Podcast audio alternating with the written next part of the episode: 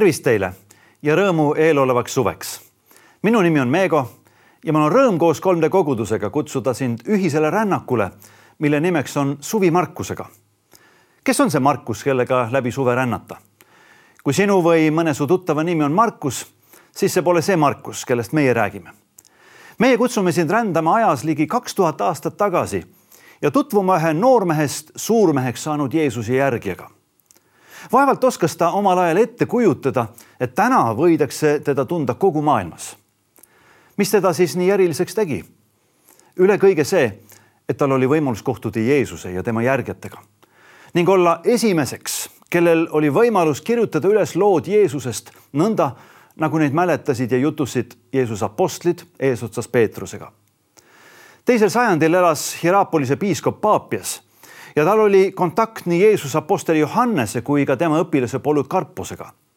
ja tema rääkis äh, Markuse evangeeliumi saamisloost nõnda. Markus, saades Peetruse tõlgiks, pani täpselt kirja, küll mitte järjekorras, mida kõike ta mäletas Kristuse öeldud või tehtud asjadest. sest ta ise polnud issanda kuuljaks ega järgjaks, vaid nagu ma ütlesin, järgnes hiljem Peetrusele, kes kohandas oma õpetust kuulajate vajadustele kavatsemata jutustada issandast terviklugu. nii et Markus ei eksinud, kui ta pani mõned asjad kirja, nii nagu tema neid mäletas. sest ta oli selles osas ettevaatlik, et mitte midagi välja jätta, mida ta oli kuulnud ega midagi ka valesti edasi anda. nii kirjutab Eusebius oma kiriku ajaloos, tsiteerides paapiast. ja nii ongi juba varakristlikust ajast peale peetud Markuse evangeeliumi allikaks Peetrust teised Jeesuse elulood, mida me leiame Uues Testamendis, on piibliuurijate arvates kirjutatud juba hiljem ja nad võisid kasutada ka Markuse teksti, mistõttu me leiame, et kolm neljast evangeeliumist ehk rõõmusõnumist Jeesusest on üsna sarnased.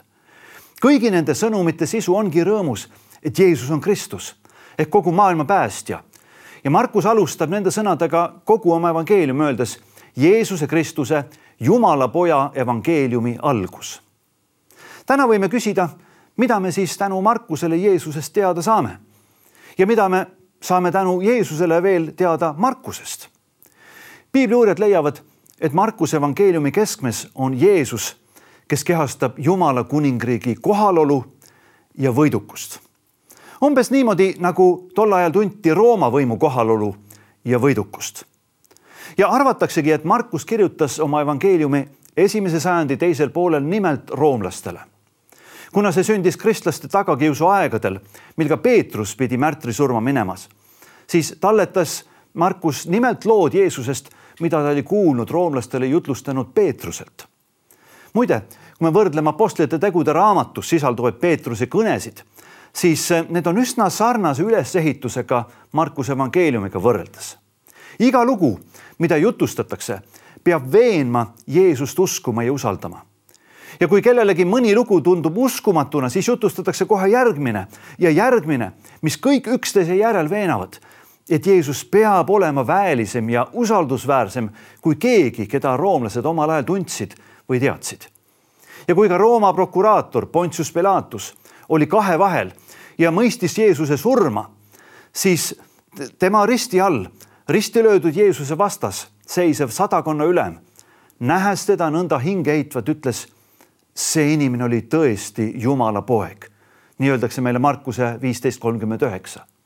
ja selle roomlase lause evangeeliumi lõpuosas on otsekui vastuseks kõigi nende lugude kaudu esitatud küsimusele. inimese poeg, kes sa oled? seda veendumust, kes oli Jeesus, vajas ka Markus isiklikult on leitud, et evangeeliumi neljateistkümnendas peatükis mainitud noormees, keda taheti koos Jeesusega kinni võtta, võis olla nimelt Markus oma nime mainimata kirjutas ta end evangeeliumi traagikasse keset Keetsemani toimunut, kui ta ütleb, kõik põgenesid, jättes ta maha. ja Jeesusele järgnes keegi nooruk, kes oli särgiväel ja nad püüdsid teda kinni võtta, aga tema jättis linase särgi ja põgenes alasti. see põgeneja kuvand näibki Johannes Markuse nime all tuntuks saanud Barnabase õe Maarja poega saatvat veel enam, isegi siis kui ta koos Apostel Paulusega keset riskivalmidust eeldavat missioonireisi korraga kõik katki jätab ja koju naaseb. Apostlite tegude raamatust loeme, et sel põhjusel loobub Paulus hiljem temaga isegi järgmist missioonireisi ette võtmast. ja nad jaotuvad kaheks erinevaks missioonimeeskonnaks. Barnabas võtab Markuse ja Paulus läheb Siilasega. siiski leiame hiljem, kuidas Paulus aastate möödudes ka Markust väärtustama on hakanud. ja kui ta kirjutab oma kirjades sellest, et e, ka teised teaksid, et oma elu lõpul ta pidas Markust üheks kõige väärtuslikumaks kaastööliseks teiste hulgas. nagu varem osundatud, kujunes Markuses siis lisaks Barnabasele ja Paulusele ka Peetruse lähim kaaslane ja on arvatud, et ta oli Peetruse tõlk keset Rooma maailma, kus oli vajalik väga hea kreeka ja ladina keele oskus. Seda tõenäoliselt nappis juudisoost kala ja ärimehe taustaga Peetrusel ja Markus sai teda aidata ja tõenäoliselt teha ülestähendusi, mille järgi ta siis kirjutaski oma esimese loo Jeesusest. ja nii võime ka meie Markuse loost midagi õppida. kellegi meie nooruspõlvest tulenev kuvand ei pea meid kogu elu saatma vaid me võime Jeesust tundma õppides usus ja usalduses kasvada ning areneda, kuni ka meist kujuneb õnnistus teistele. Ma olen seda ise kogenud, aga olen näinud ka teiste inimeste elus seda toimumas. oluline on, mis tuleb esile ka Markuse elus, et ta pühendus jüngelikule elule ja missioonile koos nendega, kes elasid tõeliselt jüngelikku elu. olgu siis tema onu Barnabas pereringis või Peetrus ja Paulus koguduse ja missioonimeeskonna keskel aga millest siis Markus evangeeliumis jutustab? tegemist on roomapäraselt, lühidalt ja löövalt järjestatud lugudega. otse kui kiire raportiga, kus öeldakse kohe esimese asjana välja, kes ja mis see on, kellest ja millest jutt ja seejärel tuuakse ära rida fakte, mis peavad kinnitama, et see jutt on õige. Markuse evangeeliumi võtmesõnaks ongi kohe või otsekohe, sõltuvalt siis sellest, kuidas seda tõlgitakse või milline on kontekst sündmuste kulg rullub lahti otse kui kiirfilm. nagu Peetruse jutlus, on see tõeliselt kaasahaarav ja ka lugedes me saame sellest osa. aga ka sellisele evangeeliumi esitusele on oma eellugu. Jeesus astub küll kohe Kristusena lavale, jah, aga siiski ei alusta Markus tema jutustamist viitamata vanatestamentlikele ootustele ja prohvetlikele ennustustele messia tuleku suhtes. nii osundab Markus prohvet Jesajat, keda Jeesus ka kõige enam tsiteeris ja ka risti Johannest, keda Jeesus kõige enam austas. Neist messia tuleku ettekuulutajatest lähtus ka messiaanlik rahvaliikumine, kelle keskel tuli esile ja sai ristitud Jeesus. inimesed nägid tema pea peale laskuvat tuvi, kelles kehastus püha vaim ja kuulsid taevast häält, mis tunnistas Jeesuse Jumala pojaks. sina oled mu armas poeg, sinust on mul hea meel. vaimust kinnitatult ja juhitult suundus Jeesus neljakümneks päevaks läbikatsumistele kiusatustes, millest võidukalt väljudes pärast Johannese vangistamist tuli Jeesus Galileasse ja kuulutas Jumala evangeeliumi. aeg on täis saanud ja Jumala riik on lähedal. parandage meelt ja uskuge evangeeliumisse. see ongi Markuse evangeeliumi sissejuhatava osa kese. Jeesus hakkab Galileas kuulutama Jumala evangeeliumi ehk teisisõnu tema kuningavalitsuse kohalolu edasi jutustatud lood on evangeeliumi kinnitavad näited, et tõepoolest aeg on täis saanud ja Jumala riik on lähedal. aeg kreeka keeles kairos tähendab kordumatut hetke ja võimalust, mitte nagu ühte ajavoo kulgu kroonosena. Jumala riigi lähedal olemine tähendab aga, et see on just praegu siinsamas usus välja sirutatud käeulatuses. see on elu suurim võimalus, sellele õigesti reageerida tähendabki meelt parandada meelt muuta, ümber pöörduda, nagu roomapärane rivikäsu kord võis seda nõuda. nii kuulutab Jeesus võimalust uskuda evangeeliumisse ehk usaldada rõõmusõnumit Jumala riiklikust messia valitsuse saabumisest. Markuse evangeelium ongi siis rõõmusõnum inimmaailmas inimese pojana kehastunud Jumala pojast. ta elas, tegutses, õpetas, suri, tõusis surnuist üles ning andis oma järgijatele ka läkituse minge kõike maailma, kuulutage evangeeliumi kogu loodule. Roomaaegses maailmas polnud see evangeeliumi kuulaja ega lugeja veel kuidagi veendunud, et Jeesus, kellest Peetrus jutlustas ja Markus kirjutas, oli tõepoolest ainsa tõelise, kõige väelise jumaliku looja inimeseks sündinud poeg. väikese tähega jumala poegadeks võidi antiik-Rooma kultuuris nimetada ka näiteks jumalikustatud keisrite järeltulijaid. Ja evangeeliumiks nimetati selliste keiserlike järeltulijate sünni ja võidupäeva väljakuulutamisi. Markus teadis seda ja arvestas selle taustaoletusega, aga ta kasutas seda otse kui hüppelauana ainsa tõelise jumalapoja evangeeliumi esiletoomiseks roomlastele, nendele mõistetavas keeles. Jeesus astub inimeste ette ja kuulutab Jumala evangeeliumi. see on võidurõõmu sõnum neile ja kõigile meile ka, kui me vaid usume. Kõik need lood, mis järgnevad, näitavad, et see kuulutus veenab ja muudab inimesi nende elulugudes. Siimon Peetrus oma venna Andresega on esimesed, kes majanduslikult kasulikku kalandusäri kõrvale jätavad ja vastavad Jeesuse kutsele, et minna koos temaga nüüdsest püüdma inimesi, muutma inimesi, mitte pelgalt kalu ja samamoodi liituvad nendega Sebeduse poegadest äripartnerid Jaakobus ja Johannes, kellest kujuneb ka Peetruse ja Jeesuse lähim kaaskond. seda kõike loeme me Markuse evangeeliumi alguses, esimeses peatükis. ja siis Galilea järve ääres Peetruse kodumaja naabruses asunud Kapernauma sünagoogi korraga kogunenud inimesed näevad Jeesust ja kuulevad ja ütlevad, nad on vapustatud tema õpetusest sest ta on õpetanud mitte nii nagu nende kirjatundjad, vaid nagu see, kellel on meelevald.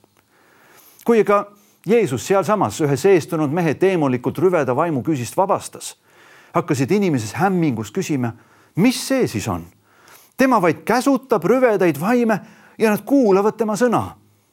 ja nii ütleb Markus, levis kuuldus temast kõikjale, kogu Galilea ümbruskonda. korraga oli ilmunud inimese poeg kellele alistus isegi vaimumaailm. nii küsib Markus oma evangeeliumi kuulajate lugejat silmas pidades ühe mõtlepaneva küsimuse. Inimese poeg, kes sa oled?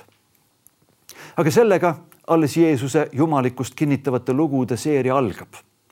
loeme edasi, kuidas Jeesus tervendab Peetruse ämma ja ma võin kujutada ette, kuidas Peetrus seda isiklikku lugu oma ämmast jutustas ja teadis seda öelda, et see oli minu perekonna lugu ja siis selle järel toodi Jeesuse juurde juba kõik haiged ja kurjast vaimust vaevatud.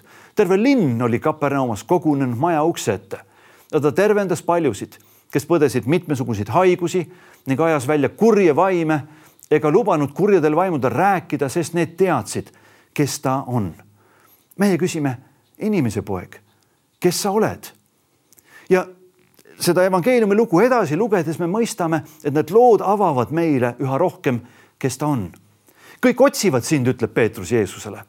inimese poja missioon ei piirdu aga ainuüksi üheainsa linnakesega Galilea järve maalilise kaldal, vaid Jeesus käis läbi kogu Galilea, jutlustades sealsetes sünagoogides ja ajades välja kurje vaime. ühe pidalitõbise tervendamise järel, kellest Markus täpsemalt jutustab Jeesus ei saanud enam avalikult ühtegi linna minna, vaid pidi viibima eemal, asustamata paigus ja kõikjalt tuldi tema juurde. inimese poeg, kes sa oled, küsime me seda evangeeliumi lugedes. kui Jeesus oma missioonilt kodulinna Kapernauma naaseb, tungleb linnarahvas nii tema majja kui ka maja ümber. nii et ühe halvatud mehe sõbrad lasevad ta kanderaamile asetatuna läbi lamekatusesse tehtud augu otse Jeesuse jalgade ette maha. nähes nende erakordset usku, kuulutab ta maaslamajale ootamatult pattude andestust. Kõik pidasid seda ainuüksi Jumala enesepädevuseks. aga kui Jeesus mõistab nende kriitiliste pilkude ja mõtete teravust tema ümber, teeb ta mehe ka terveks. ta ütleb, et te teaksite, et inimese pojal on meelevald patte andeks anda maa peal. ta ütles halvatule, sinule ma ütlen tõuse püsti, võta oma kanderaam ja mine koju. ja kohe tõusis too püsti, võttis oma kanderaami ja läks välja kõigi silma all. Nii et kõik hämmastusid ja ülistasid Jumalat, öeldes sellist asja pole me eluilmaski näinud. inimese poeg, kes sa oled? Jeesus osutub siiski veelgi skandaalsemaks ta kutsub oma järgijate hulka juutide silmis oma rahva ja usu hüljanud Rooma tollimaksukoguja Leevi. aga sellest mehest saab hiljem ka tema apostel ja Matteuse nimelise evangeeliumi autor. Ta istub koos tölnerite ja patustega ühes lauas ja ütleb sellepärast teda kritiseerima hakanud variseride kirjatundjatele. ei vaja arsti terved, vaid haiged. ma ei ole tulnud kutsuma õigeid, vaid patused. ja asjalood arenevad aina edasi. ta lubab oma jüngritele eirata ka rituaalset paastumiskombestikku, tuues argumendiks, et tema kohalolu eeldab rõõmu jagamist. nagu pulmapeol, kus keegi ei pane inimesi käsu korras paastuma. Jeesus ütleb, ega peiupoisid või paastuda sellel ajal, kui peigmees on nende juures. inimese poeg, kes sa oled? küsiti siis ja võime küsida ka meie, mida rohkem me Markuse evangeeliumis neid lugusid edasi loeme ja nende üle mõtiskleme. lõpuks sekkus Jeesus juutide arusaamist järgi suuse jumaliku loomiskorra kehtivusse. ta kaitses oma jüngreid, kes järgnesid eh, temale ja pahaaimamatult variserid kriitika tule all korraga, sest nad ei hoolinud hingamispäeva pidamise rangest reeglipärasest. põlluveerelt viljapaid noppides ja näksides nad otsekui tegid rehetöid. olgem ausad taoline variserlik kriitika pidi ta tunduma liiast isegi omaaegsetele pedantlikele juudi usulistele. rääkimata Jeesusest, kes seadis alati esikohale usuelu sisu, mitte pelgalt vormi. Jumala ja inimarmastuse, mitte üle selle tõstetud korraarmastuse. Jeesus tõi aga enese ja oma õpilaste kaitseks näite vanatestamentliku äh, pühakirja ja selle loo kuningas Taavetist kui Jumal ei tauninud toidupoolist otsinud inimeste kõhutäiteks ka pühaduse piirist üleastumist. kas aga see, mida Jumal lubas Iisraeli ajaloos suurimale kuningale, kelle järeltulijatest pidi lähtuma ka Messias, saab olla lubatav Jeesusele? inimese poeg, kes sa selline oled? Jeesus kostis, hingamispäev on seatud inimese jaoks, mitte inimene hingamispäeva jaoks. nõnda on inimese poeg ka hingamispäeva isand Nende sõnadega väitis Jeesus end olevat inimese pojaks, kes on isandaks ülelooja enese poolt seatud hingamispäeva. aga kes ta siis ikkagi on? inimese poeg, kes sa oled? selle küsimusega Markuse evangeeliumi teine peatükk lõpebki. ent sellega ei lõpe veel evangeelium tervikuna. evangeeliumi kui terviku mõttes on see alles Jeesuse Kristuse, Jumala poja evangeeliumi algus. järgmine kord saame lugeda ja süveneda juba järgmistesse peatükkidesse. aga praegu võime edasi mõelda ja arutleda nende küsimuste üle, mida on esile toonud nimelt Markuse evangeeliumi algus, esimesed kaks peatükki